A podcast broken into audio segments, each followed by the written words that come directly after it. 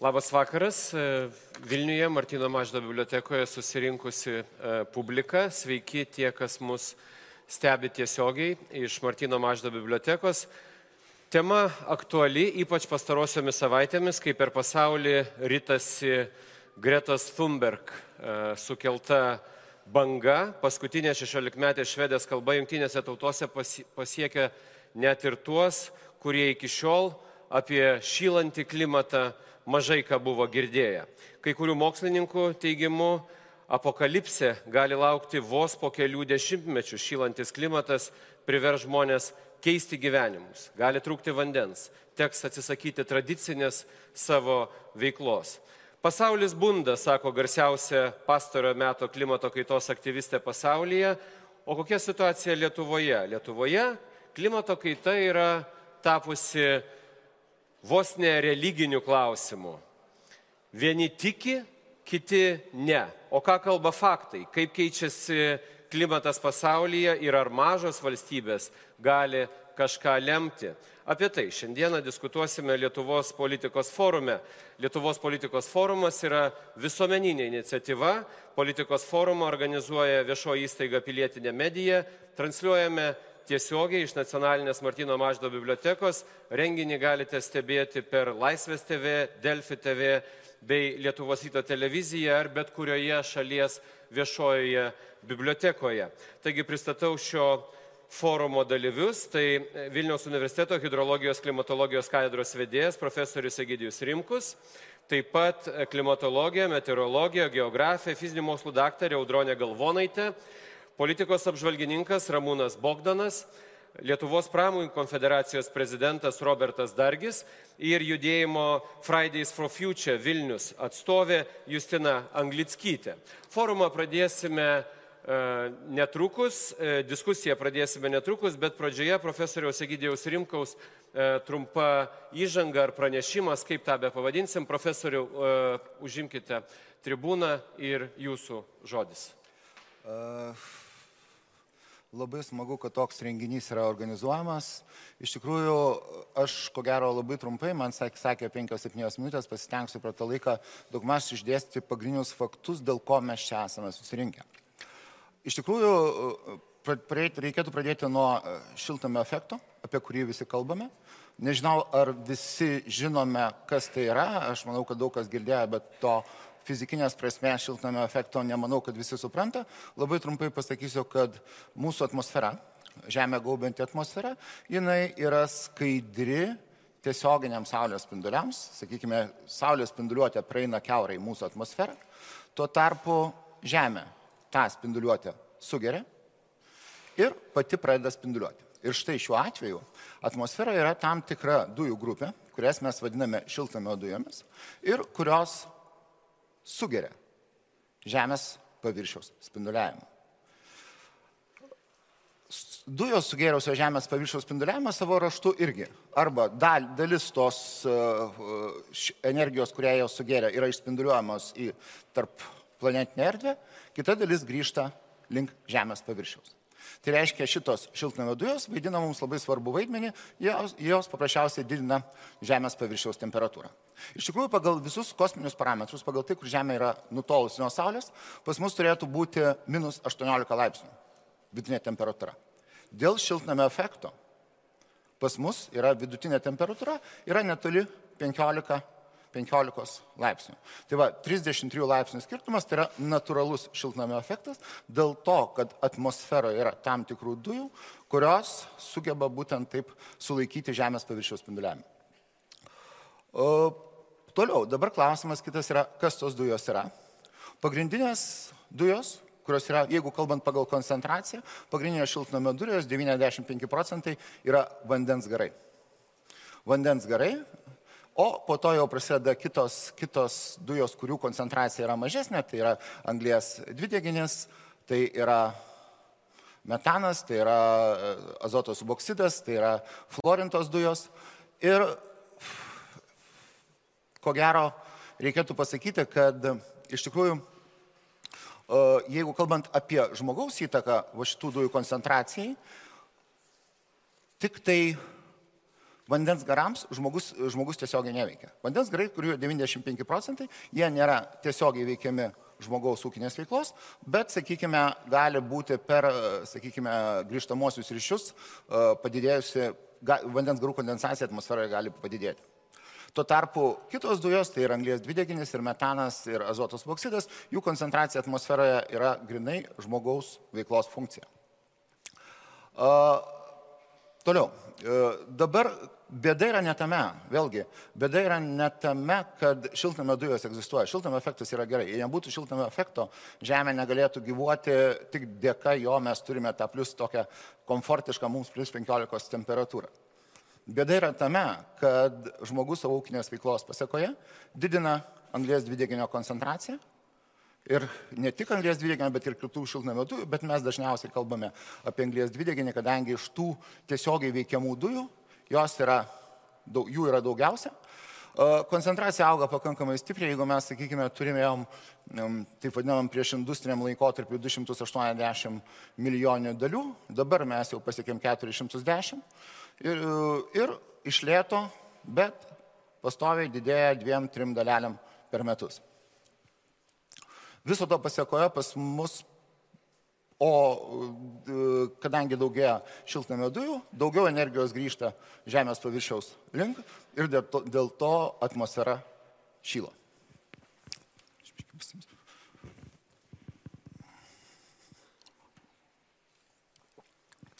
Na ir viso to pasiekoje mes turime tam tikrus klimato atšilimo požymius. Iš tikrųjų, e, per pastarojosius ten 100-130 metų globali oro temperatūra išaugo daugiau kaip vienu laipsniu, pas mus tirpsta kalnų ledynai, pas mus tirpsta uh, ledynai Arktija, pas mus jau pradėjo tirpti ledo skydai Grenlandijoje ir Antarktidoje, pas mus kyla jūros lygis, ne galbūt ne taip greitai, kaip čia kartais tokia būna katastrofiniai, kad ištirps 20 metrų, 10 metrų, iš tikrųjų uh, kyla kol kas dešimtimis centimetrų, bet kilimo greitis didėja. Kaip jūs žinote, vandens lygis kyla dėl dviejų pagrindinių priežasčių.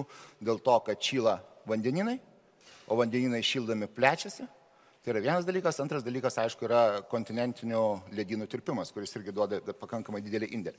Na ir mes vis turim šitas pasiekmes, e, apie kurias jau yra šnekama pakankamai senai. E, ne šių laikų e, yra mintis. Čia 1891 metais žymus švedų chemikas Ventas Arenius pirmasis parašė, kas atsitiks Žemėje, jeigu anglės dvideginio koncentracija padvigubės.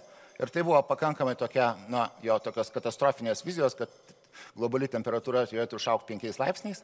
Iš tikrųjų ir nuo visas tas tokia, e, kai jau žmogus tikrai pradėjo pastebėti, kad kažkas vyksta ir pokyčiai yra realūs, tai nuo 1992 metų buvo e, Rio de Žaneirė buvo, buvo pasirašyta bendroji klimato, e, klimato kaitos konvencija, na ir po truputuką dabar visas šitas procesas vyksta. Tai gal aš kol kas tiek.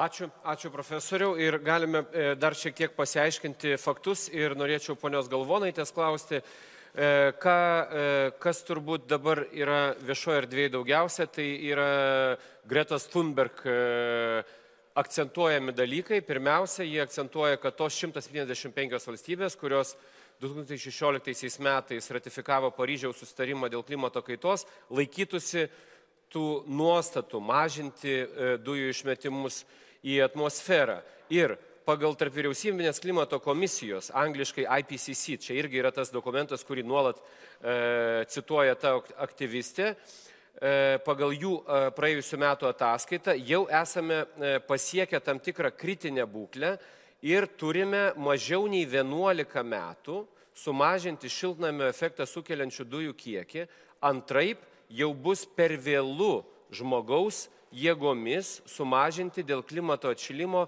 kylančias reakcijas ir ateityje laukia katastrofiški padariniai.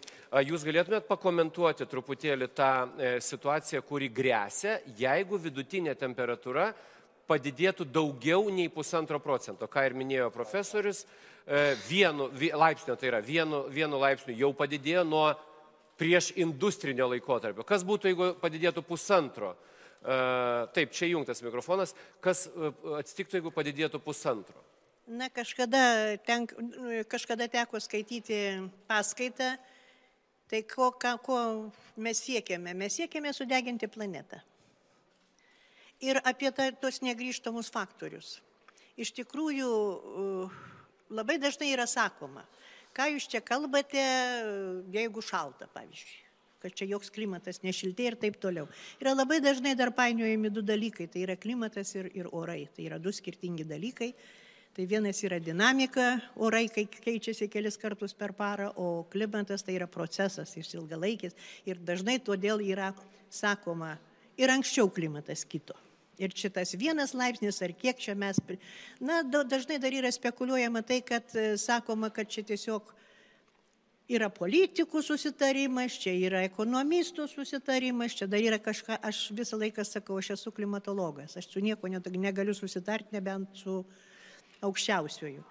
O čia tas vienas ir pusė laipsnio jau mes net negi ne vienu laipsniu, o vieną ir dviem dešimtosiom pakilus yra temperatūra, tai mes jau yra ant, ant slengščių. Iki industrinis laikotarpis, tai e, ko, e, kokie metai? 19. E, yra dažniaus, dažniausiai yra laikoma, kada, na, žinoma, tas temperatūrų skaičiavimas prasidėjo tada, kada prasidėjo tie vadinami instrumentiniai stebėjimai. Tai jau yra kada konkrečiai registruojamos temperatūros, tai yra maždaug 1881 metais kada pasaulyje pradėjo jau stebėti temperatūrą, registruoti ją ir taip toliau. Beje, turiu pasakyti, kad Lietuva gali pasigirti, nes mes turime šimtmečių ilgesnius stebėjimus. Ir todėl aš visada sakau, kai man aiškina, kad čia yra nesąmonės ir taip toliau, aš turiu konkrečią kreivę, kuri labai gerai fiksuoja ir rodo tai, kaip ta temperatūra nuo praeito amžiaus maždaug 70-mečio kyla Ir jeigu paimsime jau šitą šimtmetį, tai praktiškai nei vienų metų nebuvo tokių, kad vidutinė metinė temperatūra atitiktų klimatinės normas, nes jinai jau visą laiką yra praktiškai aukštesnė. Na ir kas vyksta, matote. Matote iš tikrųjų, kas vyksta. Ir beje, vat, grįžtant prie Gretos, turiu pasakyti. Tai ko gero per mano daugiau negu 20 metų kalbėjimą, tai yra mano didžiausias džiaugsmas, kad į visą tai įsijungia vaikai, jaunimas. Nes kai kalba mokslininkai, kai kalba vyresnio amžiaus žmonės, tai niekas netikė. Nes, na ką čia, atėjo kita, kitas e, prezidentas, atėjo kita valdžia, pasikeitė kažkokios pažiūros ir taip toliau, ir ant to yra nurašoma daug visokiausių dalykų. Bet užtenka vieno gretos žvilgsnio į tam tikrus veikėjus, kurie vertėtų, nu, verčia susimastyti. Ir aš šioje vietoje sakau, kadangi dauguma jų turi anūkus ir vaikus, tie visi veikėjai, tai jeigu jų vaikai ir anūkai tokiu žvilgsniu pasižiūrės į senelius, tai gal tie seneliai pradės mąstyti, kad iš tikrųjų mes einam savo susinaikinimo keliu. Ir šioje vietoje, kadangi teko, kai, kai pirmininkavom Europos Sąjungai, aš e, susipažinau su vienu, sakyčiau, siaubingu dalyku. Aš tikrai nežinojau apie vadinamus aukštų technologijų šiukšlynus. Ir buvo parodytas filmas Amerikos žaliųjų. Pas mus yra labai gražiai kalbama, kad surinkame visų šitų prietaisų, kurie turi aukštas technologijas, jos perdirbam ir taip toliau. Tai buvo padarytas eksperimentas. Įdėti siūstuvėliai į tuos prietaisus, Amerikos žalieji įdėjo siūstuvėlius ir pažiūrėjo, kur visos šitos surinktos atliekos yra padedamos.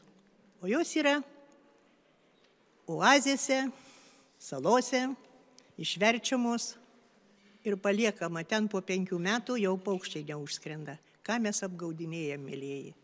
Mes apgaudinėjom tik save. Ir va čia yra baisiausia, aš visuomet sakau, na jeigu mes homo sapiens, tai gal pateisinkim savo vardą. Tai štai, kai įsijungia vaikai, galbūt jų žvilgsnis privers pagalvoti, kad mes esame homo sapiens. Dar keletas dalykų turbūt e, e, su mokslininkais, ką e, reikėtų įsiaiškinti ir ponui Rimkui, ir poniai Galvonai, tai tie patys klausimai. aš vadovausi tik viešais šaltiniais, daugiausiai iš tos IPCC ataskaitos, kad šiltnamio efektą dėl žmogaus veiklos lemia kur kas daugiau nei tik tai anglies dvideginis CO2. Tai ir metanas, kuris įsiskiria plėtojant gyvulininkystę ir įrant šiukšlėms savartynuose. Tai e, diazoto monoksidas, kuris įsiskiria iš azoto turinčių cheminių trašų. Ir fluoruotos dujos. Tai įranti elektronika, apie ką jūs, e, apie ką jūs kalbėjote. Kokia yra situacija e, Lietuvoje ir e, mūsų regione?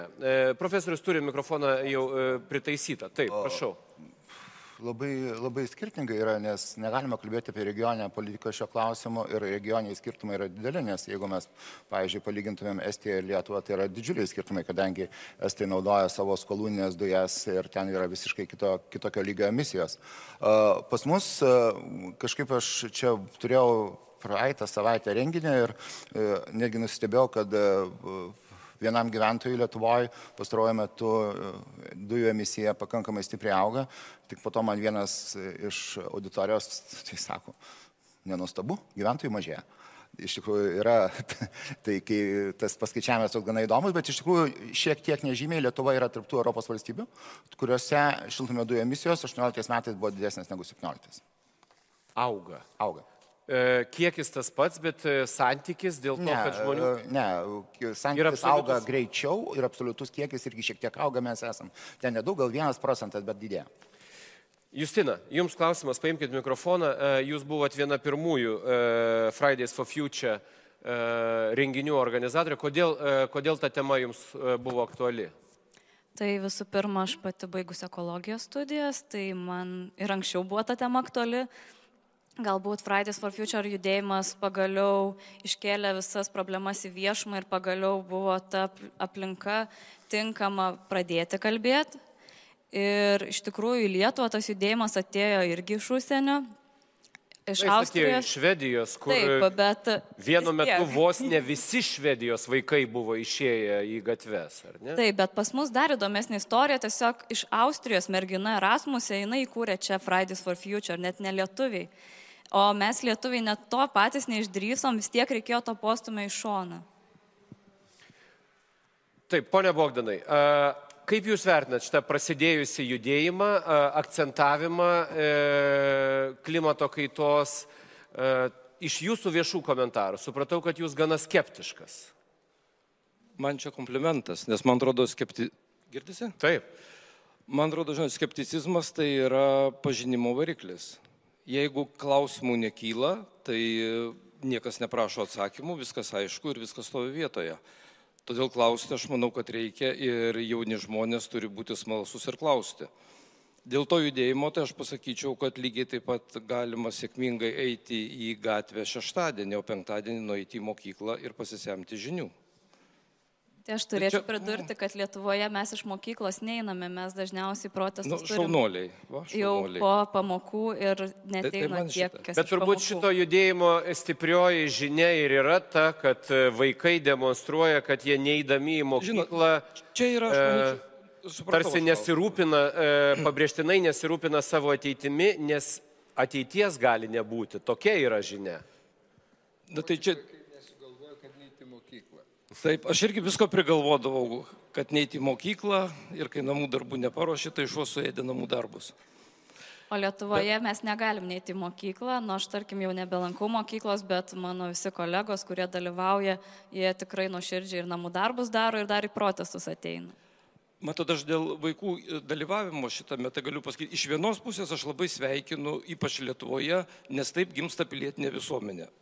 Jeigu žmonės tokie auga, kurie išdrįsta išeiti ir pasakyti, kad aš taip galvoju, tai politikai jų nepašokdins ateityje. Jie pašokdins politikus. Tai čia yra pliusas. Kitas, kai aš pasižiūriu istoriškai, plačiau, man tai primena daugybę tokių jaunuomenės judėjimų Europos istorijoje ir ne tik Europos istorijoje.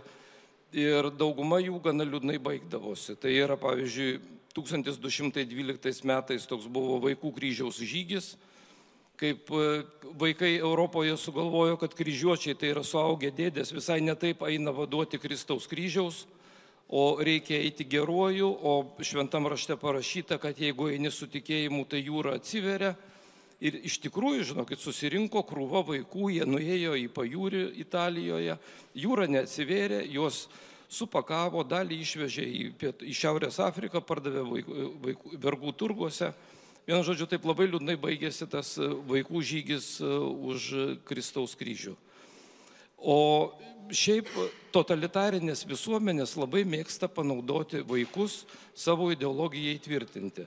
Tai čia mes e, atsiminame, kurie vyresnėji Pavliko Morozovo mitą, kuris e, pardavė tėvą vardan e, visuomenės. Lygiai taip pat galim prisiminti Hunveibinus, galim prisiminti komjaunuolius, kurie turėjo greuti, kas buvo praeitie ir statyti šviesę naują ateitį. Žinau, jaunimą labai lengva įtraukti. Svarbu, kad ta idėja būtų gera. Dabar dėl šitos pačios idėjos, tai žinot, kas eis dabar į gatves, tarkime, dėl energijos tvarumo dėsnio. Tai yra mokslo dalykas. Tai aš galvoju, klimatologija irgi yra mokslas, be galo sudėtingas mokslas, nes jis yra toks sugerintis labai labai daug disciplinų, nuo kokios nors paleos e, astronomijos iki istorijos, geologijos, hidrologijos, daugybę galima būtų priskaičiuoti.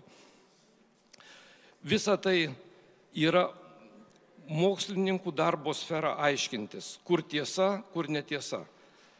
Kada įtraukiami vaikai, tai jau tampa ideologiniu instrumentu. Ir suprant, kada mokslas pradeda operuoti ideologiniais instrumentais, tai aš jau pradedu žiūrėti skeptiškai į tai. Pone Tai nėra Galvonaitė turbūt galės atsakyti, e, matau jau nori reaguoti, bet aš, e, Bet Roberto... Jeigu aš galėčiau Taip.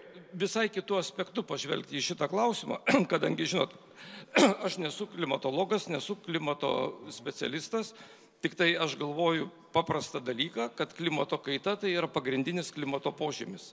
Jis niekad nebūna toks pat. Jis visą laiką klinta, kinta, kaip Žemė susikūrė 4,5 milijardo metų arba šyla, arba šala šitą Žemę. Visą Čia jau laiką. norėčiau reaguoti. Iš tikrųjų, va šitas klausimas ir šitas nurašymas visko, kas vyksta, kad visą laiką klimatas kito. Taip, jis kito. Bet ar jį matėm per vieno žmogaus gyvenimą? Klimatas kito per tūkstančius milijonus metų. Nu, ne visai. Taip, taip, taip. Aš duosiu dabar per kiek? Grenlandijos kolonizavimo istoriją. Tai yra Žinote, per žmogaus amžių vykę reiškiniai. Na, na, čia jau yra Na. pasiekmė viso šito, kur... kur Kokia kalbė- pasiekmė? Tai Apledėjimai nebuvo- norit omeny? Ne, aš turiu omeny. Aš gal pakomentuosiu. 984 metais Islandai pradėjo kolonizuoti Islandiją, e, Grenlandiją. Tai buvo žalia žemė. Davė pavadinimą Greenland. Jie ten apsigyveno. Buvo viskas gražu. Iki tol jinai buvo negyvenama. Todėl, kad ten buvo šalta. Tada buvo atšilę. Jie pradėjo ten gyventi. Apie 14 amžiaus pabaigą prasidėjo atšalimas. Ta Grenlandija tapo Whiteland iš tikrųjų. Tie žmonės e, nebeturėjo iš ko išgyventi, tik tai vietiniai nuitai, kurie maitinosi ruoniais, galėjo išlikti, o vikingai susikrovė ir išplaukė į Islandiją, o kai kurie į Newfoundlandą.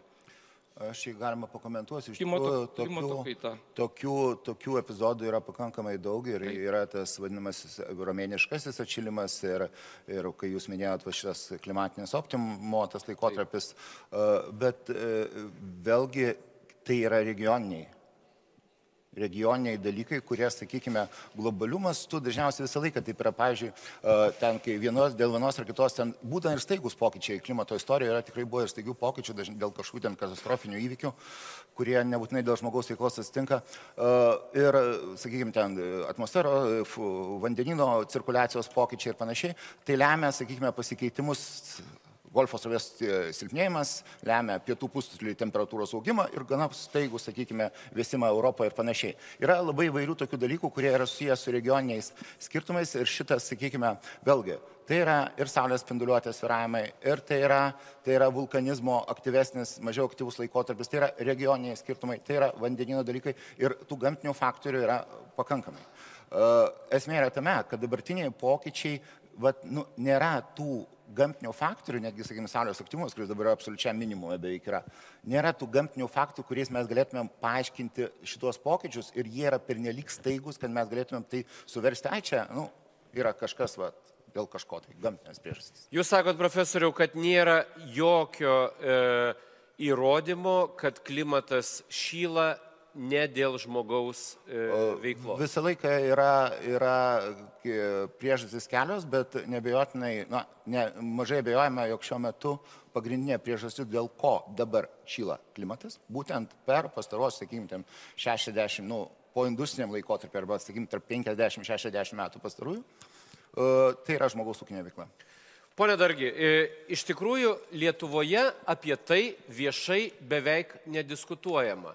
Ir kuo jūs tai aiškinat? Ar e, visuomenė dar nepakankamai soti, ar gerbuvio nesukurta pakankamai, daug kas aiškina tuo. E, nežinau, žiūri tiesiog į kokią nors Maslovo piramidę ir e, žiūri apie žmonės, kalba apie žmonės, kurie patys dar savo nesukūrė gerbuvio, kodėl jie turi rūpintis planetos likimu. Gal, gal ir šitas argumentas veiktų.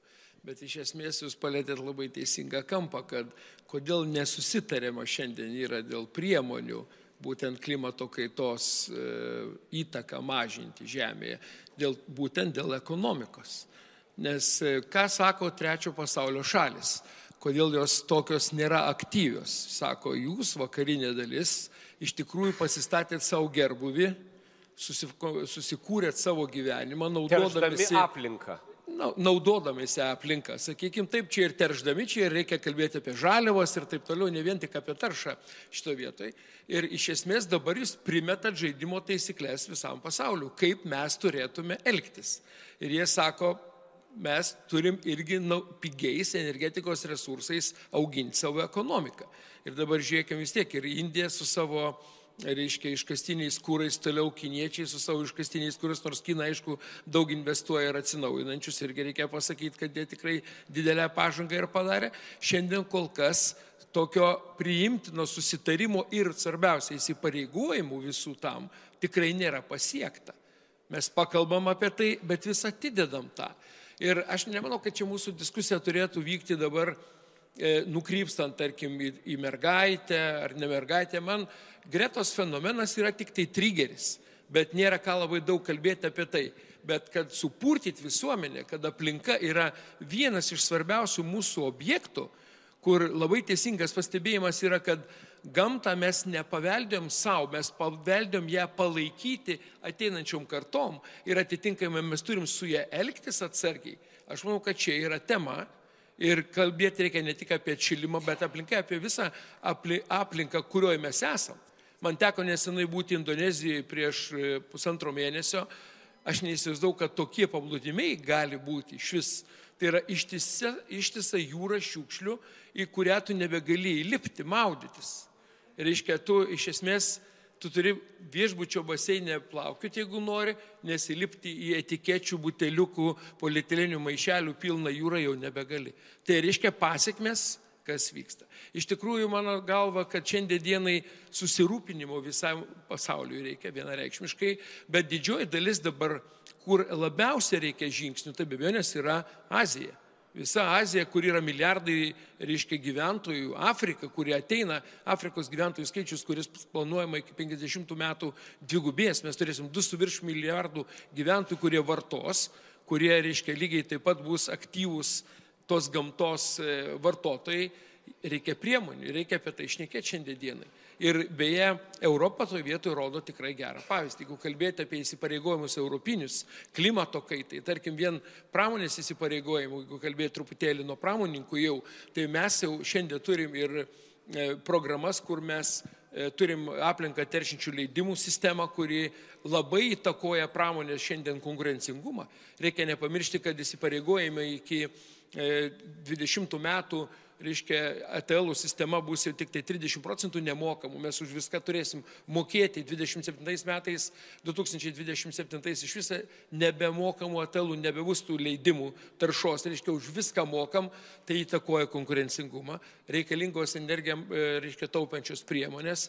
Ir va šitie visi dalykai, bet tie svarbiausias dalykas tarp valstybių turi būti sutarimas vienodai taikyti pasaulį. Nes jeigu mes vieni patys arba Europos dalies poveikis iš tikrųjų reiškia, pasauliui nebus toks didelis, kaip tikimės. Ir šitoje vietoje ypatingai reikia jau viso pasaulio valstybių įsipareigojimo, aš įsitikinęs. Aš tik tai galima. Taip, aš taip pat, taip pat profesoriu, tik tai kviečiu auditoriją, jeigu jūs norit pasisakyti, ar e, tiesiog kilselgit ranką, jums prineš e, mikrofoną, galėsit klausti arba replikuoti. Prašau, profesoriu. Aš norėčiau e, pritarti tai, kad vis dėlto Afrika yra didžiausia grėsmė auganti dabar kokia yra. Mes kartais demonizuojam e, Kiniją, bet Kinija pagal investicijas į atsinaujinančią energetiką yra absoliučiai pasaulio lyderis ir e, e, jo. Bet tai yra didžiausias teršėjas tuo pat metu tuo pačiu metu jis yra didžiausias teršėjas, bet tuo pačiu ir investuoja. Ir jie turi labai dabar ambicingas programas žaliasias, kurią jie ruošiasi gyvendinti. Turiu, turiu tiesiog tokių blogų minčių, kad autokratiniam Kinijos režimui tai bus lengviau gyvendinti negu susitarti Europoje, sakyk, demokratiškam Europos pasaulyje. E, ir iš tikrųjų tas, tas E, yra labai svarbu. Be abejo, Europa turi savo svertų. Vėlgi, ta pati Kinija, ko gero, na, penktadalis produkcijos, aš bijau sumeluoti, tiksliai skaičiau dabar neatsimenu, keliauja į Europą. Ir kai tu gali taikyti kažkokias priemonės, jeigu, sakykime, jūs ten kažko nedarote, atsiranda mokesčiai ir panašiai. Tai tas ir... Nu taip, tai, ne, nu, tai čia, aš manau, su kinais dar nebūtų pats sunkiausias susitarimas. Ko gero, jie, jie, jie tai, e, nu, um. Taip, prašau. Nu, žinot, reikia nepamiršti vieno tokio dalyko. Man teko labai daug kartų būti Kinijoje, aš ten daugiau negu metus turbūt sudėjus viską esu išgyvenęs. Tai Kinija 90 procentų retųjų žemės e, metalų yra išgaunama Kinijoje. Jeigu pasaulis pereina prie žaliosios ekonomikos, visi sėdi Kinijos kišeniai. Tai kinai turi labai labai aišku įskaičiavimą šitą stumdami reikalą. Bet aš norėjau grįžti prie to, apie ką aš nespėjau pasakyti, kadangi Aš daugiau domiuosi politika, o ne gamtos mokslais. Gamtos mokslais irgi domiuosi, bet ne tiek. Tai su šita klimato kaitos problema aš pirmą kartą susidūriau, kas įdomiausia, 92 metais, kada dirbau profesoriaus Landsbergio aukščiausios tarybos pirmininko patarėjų užsienio politikai ir atėjo jam kvietimas į Rio de Žaneirą į tą pasaulinę konferenciją 92 metų. Aš ten neskridau, kadangi jie apmokėjo tik tai jam kelionę taupė matyt. Ten, sur, ten turbūt buvo pats didžiausias iki šių laikų įvykęs kada nors e, valstybių galvų suvažiavimas. Ir nuo tada ir prasidėjo kalba, didžio, didžioji kalba apie klimato kaitą ir apie tą, tas vargšės, bespalvės ir nenodingas dujas CO2, ant kurių dabar visi šunys pakarti yra. Tai e, išgirdęs čia dar tokią frazę apie Kiniją, tai aš prisimenu, aš matot noriu pacituoti ir papasakoti, kaip politiškai radosi visa šita mintis. Mokslas savo ruoštų, bet kaip sakau, yra labai ideologizuota šita tema. Taip, prašau. Ir pavyzdžiui, Paryžiaus e, taiko e, konferencijoje 14 metais tokia Kristina Figueres, kur yra bendrosios klimato kainos konvencijos e, direktorė, pirmininkė, nežinau kaip vadinasi, tiesiai šviesiai pasakė, kad Paryžiaus tikslas yra pakeisti kapitalistinį ekonominės raidos modelį, kuris viešpatauja 150 metų nuo pramonės revoliucijos. Kaip pavyzdį jinai davė Kinijos sistemą, autoritarinę sistemą, kuri yra pati tinkamiausia kovoti su klimato kaita. Tai va tik ką girdėjom ir pritarimą šitam. Bet tada žmogaus teisės, visi šitie dalykai atpuola į šalį, mes kovojam prieš klimato kaitą ir žudome kapitalizmą apie tą kapitalizmo žudimą, tai e, kas sugalvojo ir kas prastumė šitą idėją 92 metų Rio konferencijos. Tai toks kanadietis, multimilijonierius, marksistas Morisas Strongas. Jisai dar 72 metais organizavo konferenciją Stokholme po kurios sugebėjo įtikinti jungtinės tautas, kad būtų įkurta aplinkos, aplinkosaugos programa ir jisai jai pradėjo vadovauti. Jo pagrindinis tikslas buvo ne klimato kaitos ten stabdymas, šildymo, šilimo, Jisai galvoja taip, kad apie tai, ką Robertas tik aš nekėjau, kad šalis privalo dalinti savo resursais su kitomis. Jeigu tu esi turtingas, tai tu atiduok. Nu tai kaip socialistai, žinot, visus reikia sulyginti.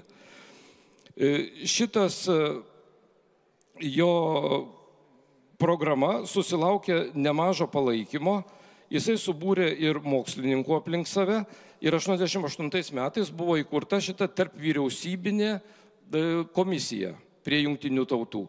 Tai žinot, vat irgi gana keistai skamba. Mokslas, kuriam vadovauja tarp vyriausybinė komisija. Nėra kito mokslo, kuriam vadovautų kokios nors vyriausybės. Mokslininkai turi būti nepriklausomi. Nes va tai, ką jūs skaitote, e, Summary for Policy Makers, kas yra IPCC raportų pabaigoje. Ir ką visi skaito, nes ten yra pakankamai perskaitomas kiekis puslapių. Tai ten rašo ne mokslininkai, ten rašo politikai, ten yra siekiama konsensuso. Ir tenai išsakomos frazės, kurių mokslininkai į savo raportą nėra net sudėję, nes reikia pasiekti bendrą politinį konsensusą. Tai, taigi, Morisas Strongas dar 92 metais ir jo sakė, kad vienintelis būdas išgelbėti pasaulį bus pramoninės civilizacijos žlugimas. Ir tuo metu valstybės sekretoriaus pavaduotojų padėjėjų buvęs Benediktas pavardės žmogus. Taip sakė, globalaus atšilimo sutartis turi būti įgyvendinta, net jei nėra mokslinių įrodymų pagrysti šiltnamio efektą. Jau 2009 metais Kopenhagoje, kai vyko konferencija, Bankimūno Junktinių tautų generalinio sekretoriaus klimato kaitos komandos direktorius Pastoras sakė taip, nėra dėrybų dėl klimato kaitos. Tai yra apie kai ką daugiau, daug fundamentalesnio, tai apie ekonominę galę. O vienas iš direktorių IPCC, Otmaras Edenhoferis, Kankūne, Meksikoje dešimtais metais, taip sakė. Atsisakykite iliuzijų, kad tarptautinė klimato politika yra aplinkosaugos politika Iš tikrųjų, klimato kaitos politika yra apie tai, kad mes de facto perskirstysime pasaulio turtą. Ten sakydamas kalbą, taip, supratom, jau miręs Čiavesas, tai noriu užbaigti Čiavesą. Čiavesas pasakė tiesiai išviesiai, kovokime prieš kapitalizmą ir priverskime jį paklusti mums. Jį palidėjo ovacijos. Pone Dargi, jūs matote e, klimato kaitos problematikos kelime norą perskirstyti pasaulio gėrį. Mažiau turinčių, kad, e, kad idėja yra kita, kad, ką sako e, Ramūnas Bogdanas, kad idėja galėtų būti ir kita. Už šią problemą keliančių žmonių gali būti e, noras Aš esu skaitęs ta, ta, tas e, pamastymus, kad taip gali atsitikti, kad iš esmės kova galių vyksta pasaulyje, turbūt to nenuneiksim. Ir kai kalbėjom apie, sakykime, tą resursų panaudojimą ir ypatingai sąlygų auginti galiai suvienodinimą. Tai čia yra tokia tema ir, ir, ir kinai apie tai kalba patys, kad e, ir indai irgi, kad jeigu, reiškia, mes naudojamės tom pačiom sąlygom, kaip aš minėjau, kaip užaugino kapitalizmas save, leiskite ir mums atsistoti į tą pačią poziciją.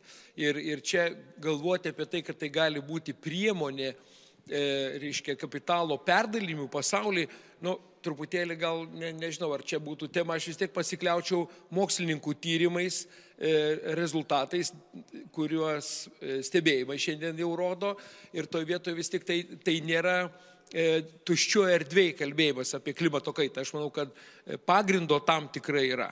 Justina, jūs e, dalyvaudama e, protesto akcijose, jūs juk negalvojate apie pasaulio e, gerbuvio, turtingų valstybių BVP perskirstimą pasauliui.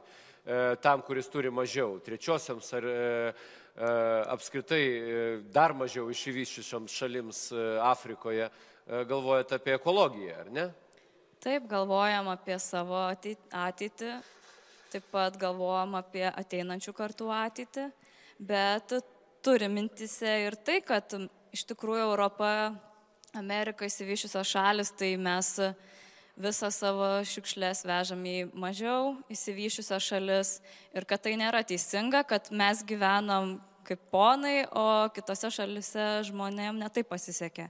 Tai mes to pačiu vienas iš mūsų tikslų irgi, kad moka teršėjas ir kad turi būti klimato teisingumas ir kiekviena šalis turi atitinkamai mokėti už savo taršą. Pono Rimkui klausimas ir poniai Galvonaitė, įsivaizduokime situaciją, kuri turbūt nėra e, visiškai hipotetiška, pavyzdžiui, 2035 metai ir 2040 metai, kurie netaip ir už kalnų, lygiai taip pat e, praeis greitai tie 18 metų, kaip 18 praėjo prieš tai. Tai gali atsitikti situacija, kad pasaulio e, klimatas bus pašiltėjęs daugiau nei pusantro laipsnio. Ir kuo tai grėsia? E, kokie padariniai to galėtų būti? O, iš tikrųjų, tai ko gero tas pusantro laipsnio tai yra daugiau simbolinė riba negu kažkoks tai labai konkretus skaičius, dėl ko čia gali kažkas atsitikti. Na, jeigu dabar sakot 1,2 laipsnio nuo e, 90-mečio, 19 amžiaus E, praėję per 140-130 metų.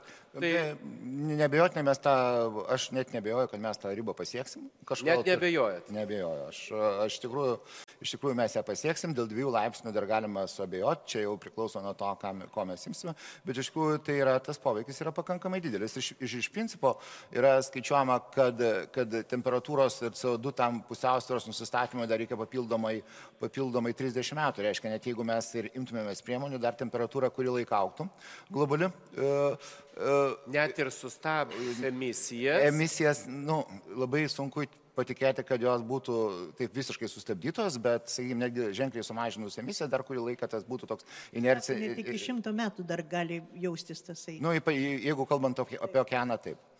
Tai iš tikrųjų, iš tikrųjų poveikis būna, būna labai vairus ir, ir, ir pradedant nuo uh, ką mes labiausiai jaučiame, vis tiek, ko gero, pasakyti vienu laipsniu padidėjo oro temperatūra, tai, na, nu, gerai, vienu, dviem. Tikriausiai tas jaučiasi vienas dalykas ekstremalumas klimato, kuris e, e, irgi vienuose pasaulio vietose pasireiškia vienaip, kinta, kituose pasaulio vietose pasireiškia kitaip. O, tai, kitas dalykas tai yra be abejo, jeigu mes kalbam apie jūros lygio kilimą, tai yra netgi tas iki metro, kas ten jau patys tie blogiausi scenarijai, kurie prognozuoja, kad čia per artimiausią šimtmetį, tai yra pakankamai grėsminga situacija daugeliu teritorijų, kur yra pas musgi didžiausia, didžioji, nu, ne didžioji, aš tiksliai nepasakysiu procentų, bet labai didelė dalis gyvena žemose vietose ant jūros krantų. Tai yra, yra tai, be jokios abejonės, tai yra mūsų supančiai gamtai, kuri greitai žmogus gali daug greičiau prisitaikyti supanti gamta. Galų gale žmonių yra 7 uh, e, milijardai. Jeigu anksčiau žmonės, kai kas nors atsitikdavo, jie galėdavo migruoti, sakai, nu, viskas, nualino patys tą žemę ir klimatas pasikeitė regioniniu mastu, jie susikrovė daiktus, išvyko kitur gyventi, dabar to nėra. Dabar mes esam, esam, esam visi susiję ir jeigu, jeigu sakykime, kalbant apie Lietuvą, kai klausia, o kas Lietuvai blogiausia, aš vis dėlto sakyčiau, kad netiesioginės grėsmės yra Lietuvai pačios stipriausios. Tai yra per tuos procesus, kurie vyksta užsienio valstybėse, per, sakykime, badą, ten e, gerimo vandens trūkumą toje pačioje Afrikoje, kas be abejo verčia prie migracijos, prie konfliktų ir mes niekaip nebūsim tas pamirštas kampelis, kurio tai nepalies. O gamtiniai reiškiniai, čia turim, e, ar tai yra susiję su ekstremalių gamtinių reiškinių daugėjimu? Gamtiniai reiškiniai, gamtiniai kaip ekstremalūs e, gamtiniai reiškiniai, tai yra potviniai, daugiau... uh, uraganai ir taip toliau. Čia potviniai, tai žinot, kai sniego, pavyzdžiui, Lietuvoje nėra, tai kokie potviniai. Tai uh, nu, bent jau retai būna. Bet iš tikrųjų, toje pačioje Lietuvoje mes turime, bet čia yra dėl temperatūros, sakykime, kaip bendro energijos kiekio sistemoje didėjimo, tas ekstremalumas auga. Tai nereiškia, kad pas mus nebus šalčio, pas mus gali būti ir minus 30, ir minus 40, bet tai dažniausiai jau dabar bus, bus trumpą laikotarpį, e, bet mes irgi, va toks pavyzdys, kad jeigu anksčiau, tarkime, e, kokiam 90-metį 30 e, laipsnių perkopdavo temperatūra labai retai.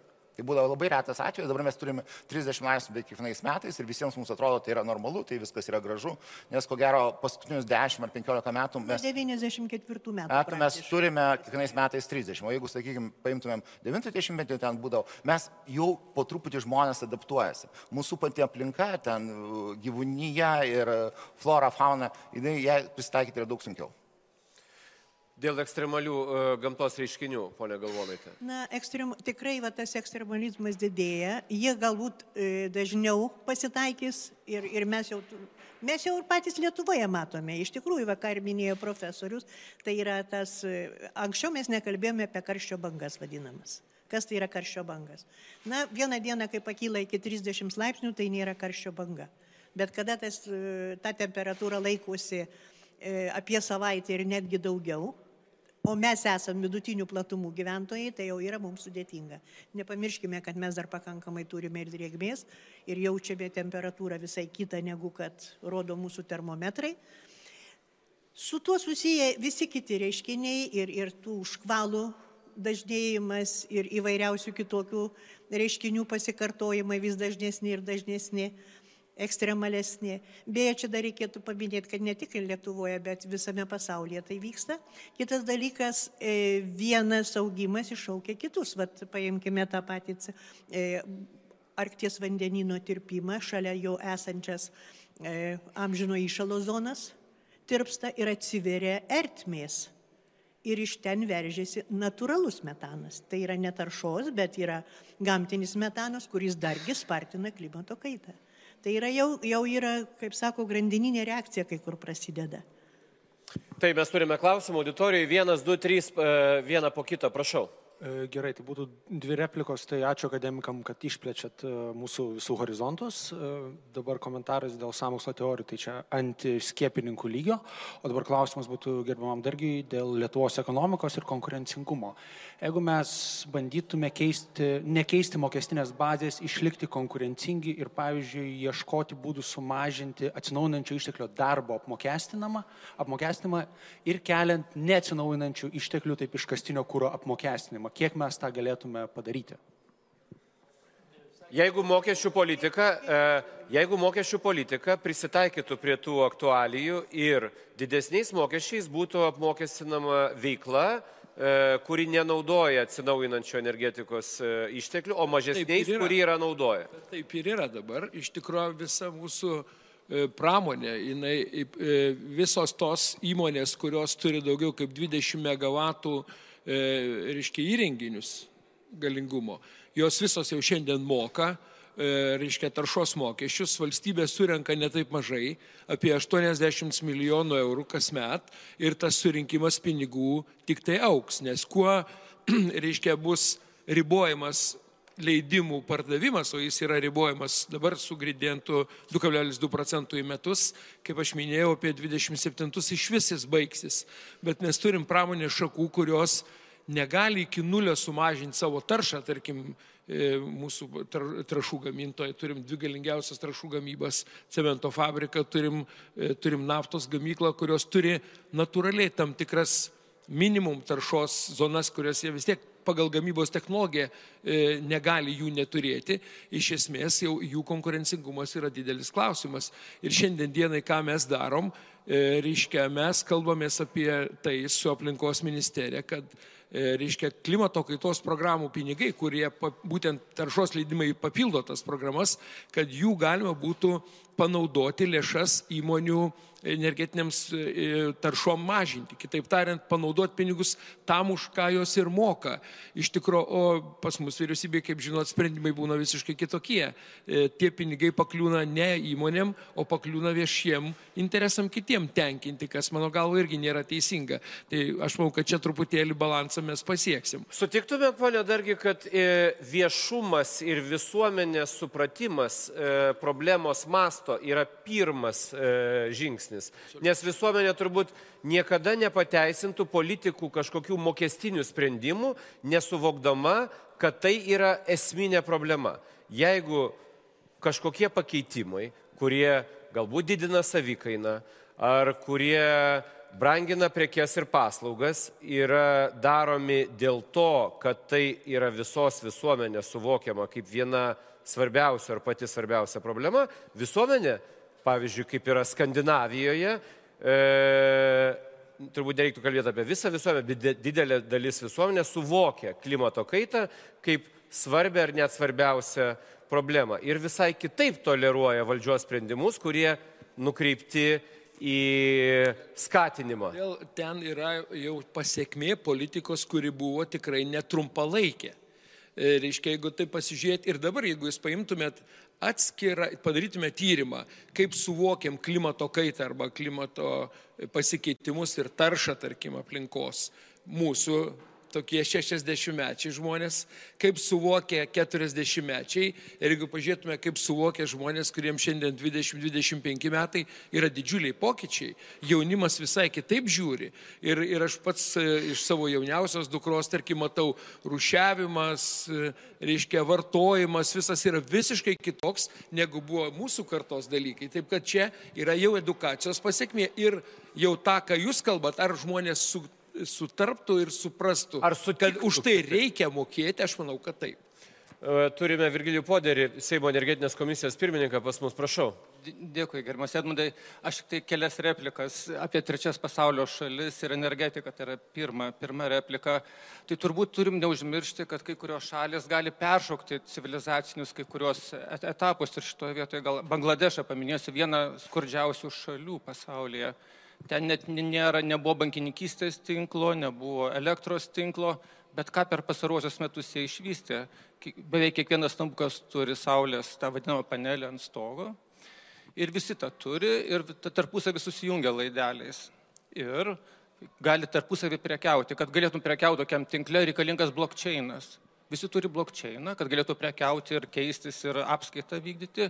Ir kartu visi turi tą vadinamą internetinę arba telefoninę bankininkystę.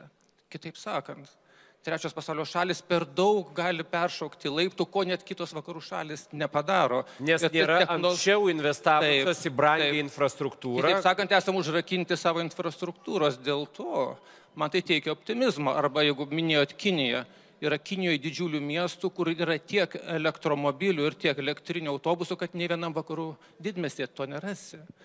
Tai kitaip sakant, čia turiu ir optimizmo. Tai mano viena replika. Kita, aišku, dėl Gretos. Šauniosios mergaitės Gretos. Tai ir šitoj vietoj turbūt e, ką, ką reikia pasakyti, net jeigu ir turim tokią gretą žymę kovotoją, jai labai sunku yra pačiai dary, teikti pavyzdį kitiems. Ir čia ar pikti liežuvė, ar, ar skeptikai, skeptikai pasiekė jo šitą, dabar daro turnė po pasaulį. Nu ir sako, žiūrėkite, jin- jinai, kad su, ne, ne iš CO2, nei, nei, nei per savo kelionės CO2 pėtsako nepaliktų, jinai plaukia jachtą į New Yorką. Bet sako, tikra istorija yra ta, kad du įgulos nariai turėjo atskristi ir nuskristi per Atlantą, tai kad ją aptarnauti. Po to jinai keliauja į Čilę, kitas bus ICC mitingas, po Europą keliauja ir jos CO2 pėtsakas yra daug didesnis negu kitų vaikų. Tai kitaip sakant, čia nėra taip paprasta ir ta turbūt jaunoji karta, ką jinai nori mums pasakyti, suteikite mums galimybę, galimybę gyventi taip arba tokią turėti gyvenseną, kad nepaliktumėm CO2 pėtsako. Ir čia yra tas paradoksas ir labai lengva kitus auklėti. Jeigu ji turėtų kapitono licenciją ir savo laivą, tikėtina, jai nereikėtų įgulos. Jinai ir turi elektromobilį, jai padovanojo Tesla savininkas, bet jeigu nekrauna elektrą, o elektra gaminama iš anglies, tai čia yra monkės biznis taip pat. Tai kitaip sakant, na, čia taip lengvai nesimėtikime kaltinimais vieni kitiem ir tą turim Ne, bet Virgi, aš vieną tik tai, ką ir pradėdamas kalbėti momentą pabrėžiau, kad Gretos fenomeną aš vertinu kaip trigerį. Aš nenoriu pradėti dabar skaičiuoti, kiek kainavo nuplaukimas, nors aš irgi buriuotojas ir puikiai žinau, kas tas yra plaukti su jachta ir to labiau grįžti. Aš nemanau, kad jinai grįž su jachta dėl to, kad grįžimas bus sudėtingesnis negu nuplaukimas ir jai ten bloga buvo ir taip toliau. Aš seku labai atidžiai Greta jau irgi kokius metus, bet aš vertinu už tai, ką jinai daro aplamai visuomeniai susipratimo laukia. Čia turbūt reikėtų paimti tą dalyką. Bet e, dar nori Ramūnas irgi keltą replikų į tai. Aš norėjau tik tai pasakyti, kad e, žiūrėdamas e, Gretos pasisakymą jungtinėse tautose, tai aš pagalvojau, kad pasaulis yra sklidinas iki ausų veidmainystės. Jis kaltina publiką sėdinčią prieš ją, tuos valstybės vyrus ir moteris, kad jie greuna jos vaikystę. O ką daro ta publika? Ta publika iš džiaugsmo jai ploja. Suprantate, vietoje to, kad jie barstytųsi galvą pelenais ir sakytų, taip vaikeli, nugi atvėrė mums akis, jie džiaugiasi. Va, va kaip gerai. Koks Pa- protingas vaikas. Koks protingas vaikas, vad pašnekėjo ir tegul savo eina. O, Prašau, o visi tegul, tegul baiminasi toliau. Turim e, dar kelias, e, kelias klausimus, prašau. A, Klausimas ponui Ramūnui būtų iš tiesų šiek tiek grįžtant prie jūsų tos politinės dalies, apie kurią aš nekėjot. Šių metų Europo, Europos parlamento rinkimai p- parodė, kad žaliųjų blokas išaugino savo pozicijas keliasdešimčia mandatų ir buvo vienin, viena iš kelių nedaugelio grupių, kurios paaugo Europos parlamente. Ar tai reiškia, tai atliepia būtent tą visuomenės požiūrį, kad e, ža- žalioji politika, žalioji programa darbotvarkė turi būti rimčiau priimama ir iš tiesų ar tos šiek tiek padidėjusios jų gretos gali kažką pasiekti Europos lygių, tam tikrus galbūt sprendimus pasiekti, kurių reikia ir kurių reikalauja visuomenė ir ypač tokie žmonės kaip greta.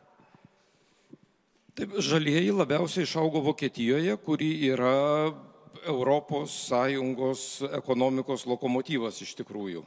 Jeigu tas lokomotyvas pradės stoti, tai visiems bus labai liūdna. Tai čia, man atrodo, galėtų patvirtinti ir Robertas, nes mes esame, pavyzdžiui, eksportuojanti ekonomika ir mums būtų tikrai labai riesta. Bet kalbant apie žaliųjų pergalę, tai žinot, jeigu jūs pažiūrėtumėte, jie padidėjo Europos parlamente, bet jeigu jūs pažiūrėtumėte, kokia tenai marga publika, tai ten anaip tol ne vien tik tai žaliosios partijos įeina.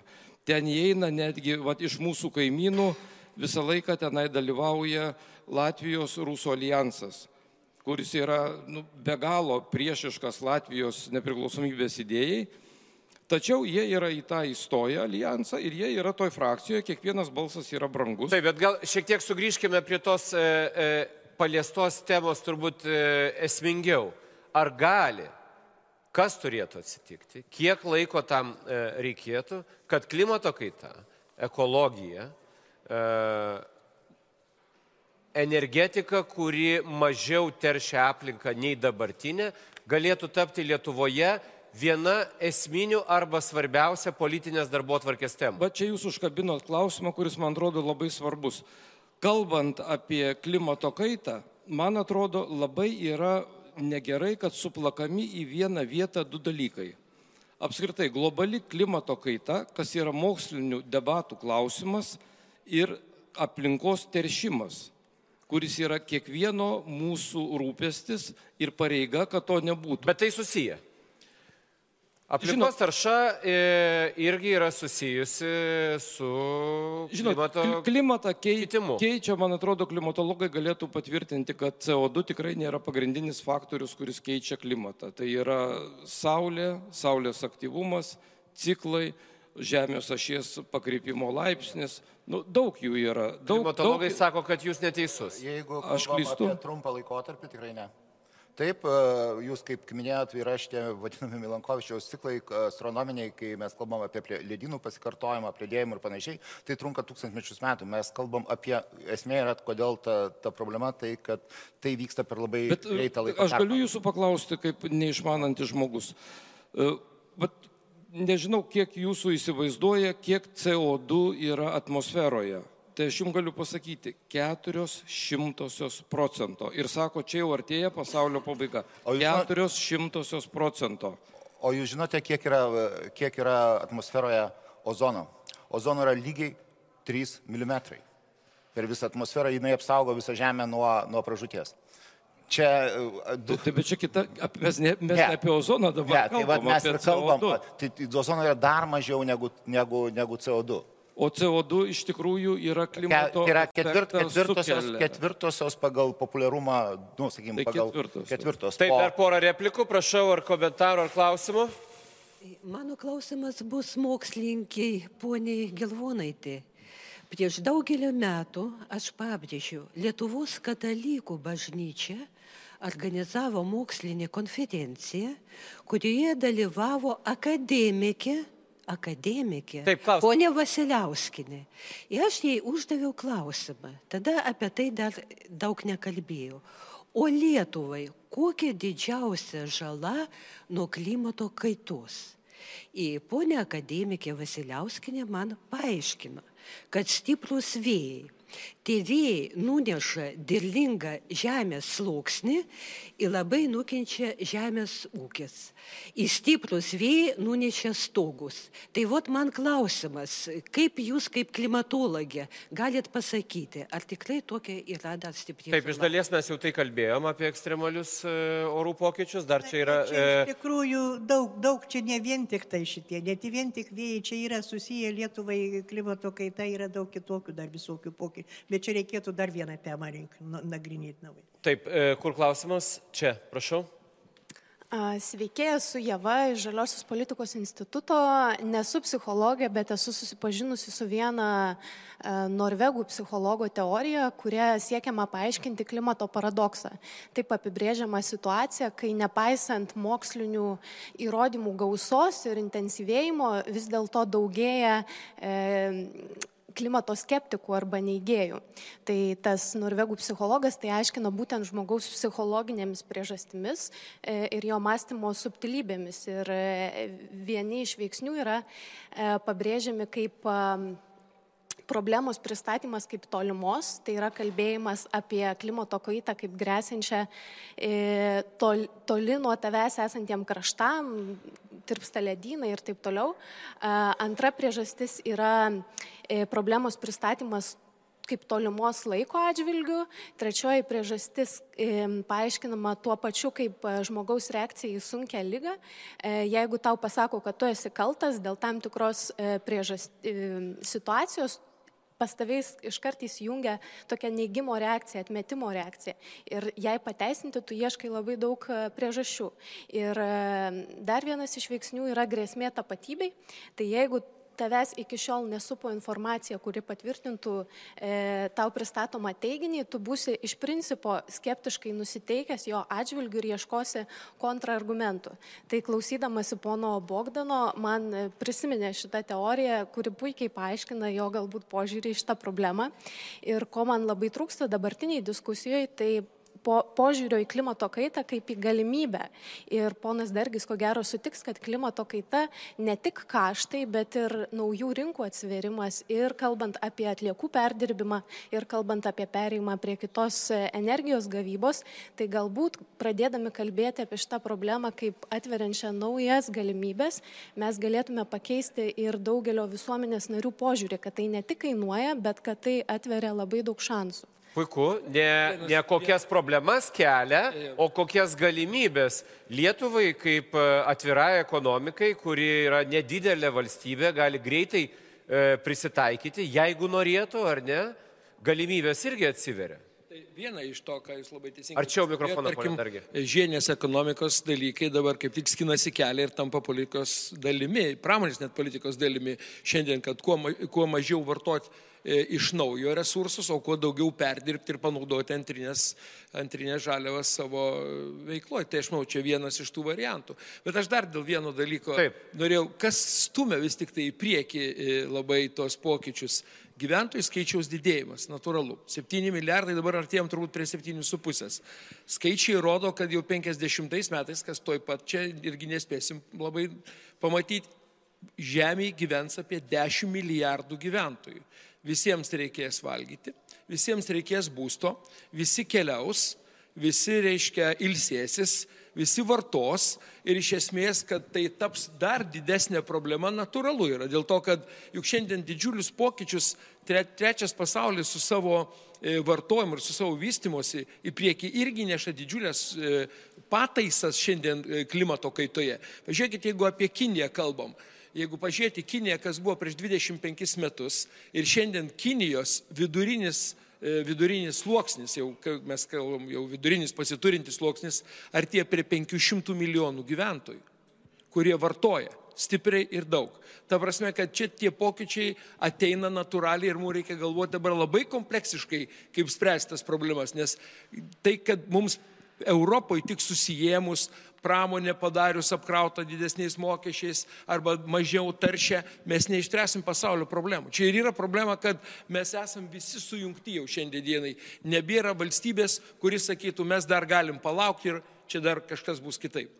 Aš manau, kad čia yra labai svarbu suprasti globalumą problemos ir visiems kartu veikti. Nes vien tik gyventojų skaičiaus didėjimas natūraliai spaus viską klimato pasikeitimams. Pone Galvonaitė, pone Rimkau, e, kaip galima e, klimato kaitą Lietuvoje iš religinio klausimo paversti moksliniu? Aš visą laiką, kai manęs taip ir nepaklausit, ką aš galvoju apie Gretą, aš tą pasakysiu.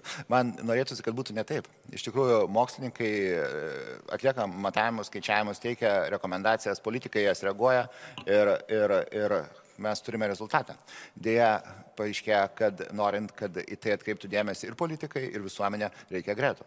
Netgi aš netgi pasakyčiau, kad ko gero greto žygis per Atlantą ir visiškai nesvarbu, jinai pati buriavo, ar ją bangos nutieškė prie Šiaurės Atlanto krantų, yra svarbesnis už Paryžiaus sutarimą kadangi Paryžiaus sutarimas vis dėlto buvo krūvelė popierių, kurios vien tai, kad pasirašė beveik visos pasaulio valstybės, uh, greičiausiai jinai nieko ten, nieko pareigojančio ten nebuvo. Ir nėra kontrolės mechanizmų, Taip, ir nėra, ten, tai yra džentelmenų susitarimas. Taip, o sumaž, neleiskime pasiekti pusantro laipsnio. Tai atrodo gana naiviai. Ir šitą, aišku, kelis kartus buvo bandyta susitarti dėl konkretesnių priemonių, tai nepavyko padaryti kol kas. Tai, va, tai aš manau, kad ir žin, ž, pagal žiniasklaidos dėmesį iš tikrųjų Paryžiaus susitarimui nebuvo tiek daug žiniasklaidos dėmesio, kiek dabar yra gretos šitam plaukimui nu, jinai iš tikrųjų yra kaip simbolis. Tai yra, kaip sakoma, nesu, nesutapatinkim Gretą, vad konkrečiai Gretą, bet tai yra na, vaikas, kuris išjudino kuris išjudino, pradėjo mūsų savo. Beje, aš galiu pasakyti, kad su šitom problemom aš susidūriau dar labai sėdė dirbdama fizikos institutė. Kada buvo, pradėjo eiti kalba apie ekologiją. Oi, kiek buvo ten susipriešinimų ir taip toliau. Ir kas yra baisiausia, čia ir apie žaliuosius kalbėjom, ir apie viską, kad tai yra banga, kuri sukelia ir šiukšlės.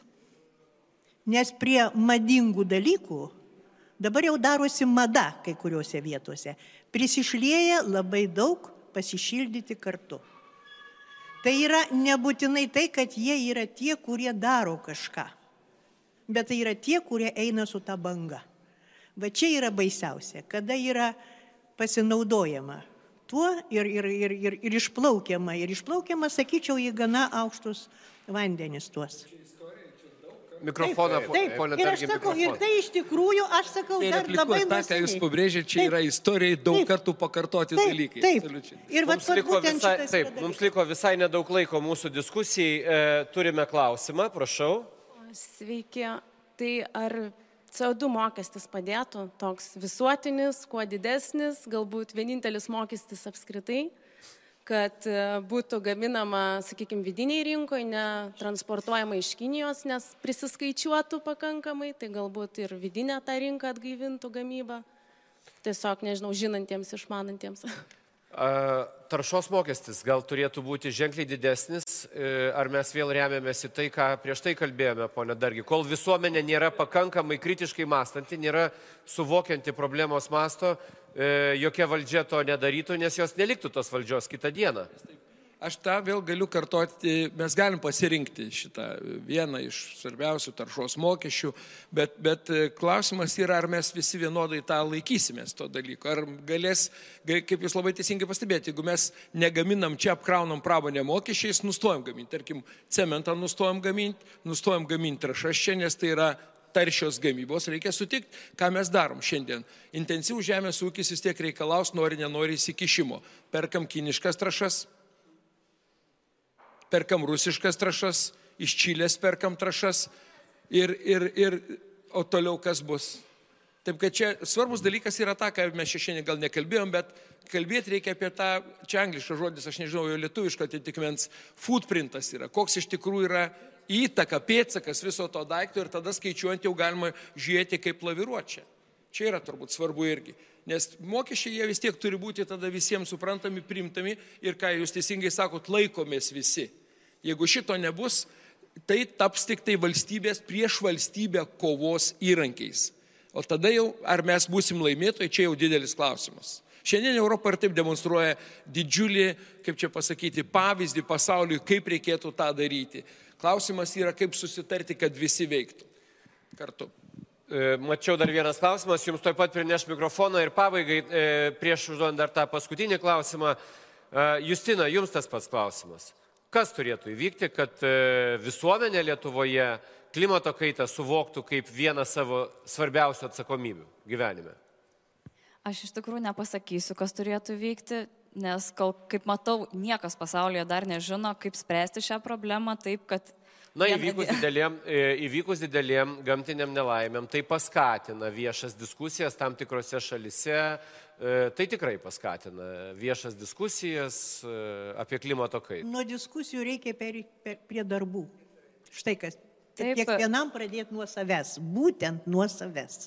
Ir todėl mes ir einam į gatves ir pradedam nuo savęs ir kiekvienas, kuris eina, mes kiekvienas savo pastangomis, mes kiekvienas namie darom jau pokyčius ir norim atkreipti dėmesį ir kitų, kurie dar to nedaro, savo tėvų, savo senelių, savo aplinkinių, kad tikrai kiekvienas galim pradėti nuo savęs.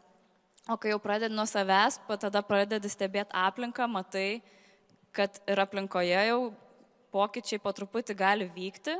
Ir kai susidarys ta kritinė masė tų, kurie nori pokyčių, tik tada mes matysim pokyčius, nes dabar visi galvoja, kad uh, klimato kaita tai yra trukdis ir jeigu mes pradėsim spręsti šią problemą, tai tiesiog turėsim atsisakyti savo patogaus gyvenimą. Tiesiog turim keisti požiūrį visuomenės. Prašau. Jonas Andriškevičius. Mes labai daug kalbame apie tai, kaip reiktų padidinti taršos mokesčius ir taip toliau, bet mano manimu, mums reiktų didinti energijos vartojimo efektyvumą. Kaip būtų paprastas pavyzdys, kad e, didžiausią dalį CO2 išskiria energetikos sektorius. Tai galbūt paprasčiausias e, sprendimas labai paskatinti daugiabučių renovaciją ir mes taip su, su, su, mums taip reiktų sukurti mažiau energijos ir mes išskirtume mažiau CO2. Ne, bet taip ir vyksta tą, ką jūs kalbate dabar. Daugiabučio renovacija eina pinigai iš aplinkos kaitos programos. Ir vienas dalykas, o jeigu pagal normatyvus pažiūrėt, ką mes dabar e, turim jau implementuotą mūsų įstatymuose, tai visi naujai statomi namai turi būti A klasės. Tai reiškia, kad jie neturi vartoti energijos. Išorinės. Sovietiniais pastatais čia net nėra ką lyginti. Ne, ne, ne? Taip, tai ir, ir šiandien dienai visi nauji daugiabučiai statomi, jau projektuojami turi būti būtent pagal šitą klasę. Tai aišku, kainuoja vėl brangiau, tai be abejo, nes susimoka vartotojai vėl už visą tą, bet, bet tai yra vienas iš tų teisingų žingsnių, kurie aš manau yra reikalingi. Jeigu ekonomiškai vertinti, sakykime, pagal įdėjimus, kiek įdedam ir kiek iš esmės sutaupom, tai mes skaičiuojam, kad per brangiai neatsiperka visiškai tie įdėjimai. Bet čia viskas priklauso vėl nuo visuomenės sutarimo ir nuo kaip Sakot, kad žmogus sutaupydamas energetinėmis sąnaudomis, ta, gyvendamas tame būte, e, vis tiek už būstą sumoka daugiau, daugiau nei jisai. Negu kad jisai su, reiškia, sutaupa energiją šitoje vietoje. Kol kas taip yra bet aišku, viskas yra, jeigu kol kas mes ne, ne visai teisingai vertinam klimato taršos kainą. Nes ši dedamoji sudėt, nėra, nėra taip, tos dedamosios, ji galvose dar jeigu, nesusiformavo. Jeigu, jeigu ją įdėtume, be abejonės, tada gal skaičiai būtų jau kitokie.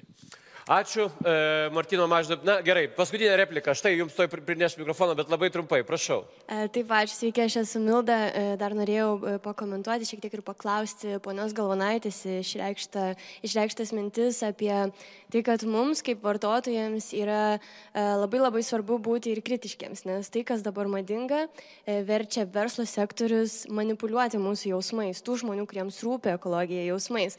Tarkime, kad ir greitosios mados rinkos atstovai atstovams sukurti e, sąmoningas kolekcijas, kurių tai yra viena sąmoninga kolekcija, o visa kita, kuri yra e, tikriausiai iš tiesų iš perdirbtos tekstilės, o visa kita toliau tas pats, ta pati greitoji mada. Tai galbūt klausimas ponui dargi būtų, kaip mums nepasimesti, e, vartojant, perkant, kada mus greenwashina. Taip, greitoji mada ir greitoji mada Gerai, irgi čia. yra vienas iš terminų, kurių anksčiau mes taip, nevartojame. Taip. Ir tai, kad vartojame tokį terminą kaip greitoji mada, suprask, e, žmonės jau pripažįsta, Va, kad... Čia šitoje jie... vietoje norėčiau pasakyti, žinot, kaip mūsų epocha jau vadina? Vienkartinė epocha. Tai Aš yra manau, nuo kad... vienkartinių indų ir nuo visokių kitokių ir nuo madų, ką ir minėjo. Ja nes nebe, tokios, nebe tokio modelio telefonas, e, nebe tas. Mes perkam metam, perkam metam. Kadangi gyvenu aplinkui apsupta didžiųjų supermarketų, aš matau, kaip mes neturime pinigų. jo, jo, bet aš manau, kad čia Taip, yra... Trumpai. Čia, čia trumpai, truputėlį, man patiko kolegės kalbėjimas apie psichologiją. Man atrodo, kad nuo čia viskas ir prasideda. Mes norim būti laimėtojai, mums reikia naujo, mes negalim palikti su senu, mums reikia pasirodyti naujais rūbais, mums reikia naujo telefono. Ir tas stumia į priekį didžiulę, didžiulę pramonę iš tikrųjų. Ir šitoje vietoje, ko reikėtų, tai aš manau tam tikro susivokimo, kur mes esame. Aš labai sveikinu, kad tokie judėjimai iš esmės atsiranda ir labai pritariu Bogdanui. Visuomenė vystosi, bendruomenės stiprėja, to labai reikia. Bet čia turbūt vienas iš esminių atsakymų jūsų klausimo būtų kritinis mąstymas. Čia turbūt yra to, ko labiausiai mums visiems reikėtų palinkėti. Ir, ir aš pabaigsiu turbūt kalbėti e, Henrio Fordo žodžiais, kur e, jis yra labai gerai pasakęs, aš cituoju dažnai tą jo pasakymą, galvojimas yra labai sunkus dalykas ir žmonės tingi tą daryti. Ačiū e, diskusijos dalyviams, profesoriui Egidijui Rimkui, daktariai Audroniai Galvonaitėjai, Ramūnui Bogdanui, Robertui Dargiui ir Justinai Anglickytėjai. Dėkoju žiūrėjusiems mus e, internetu ar per televiziją. Pasimatysime kitose Lietuvos politikos forumuose. Ačiū, iki.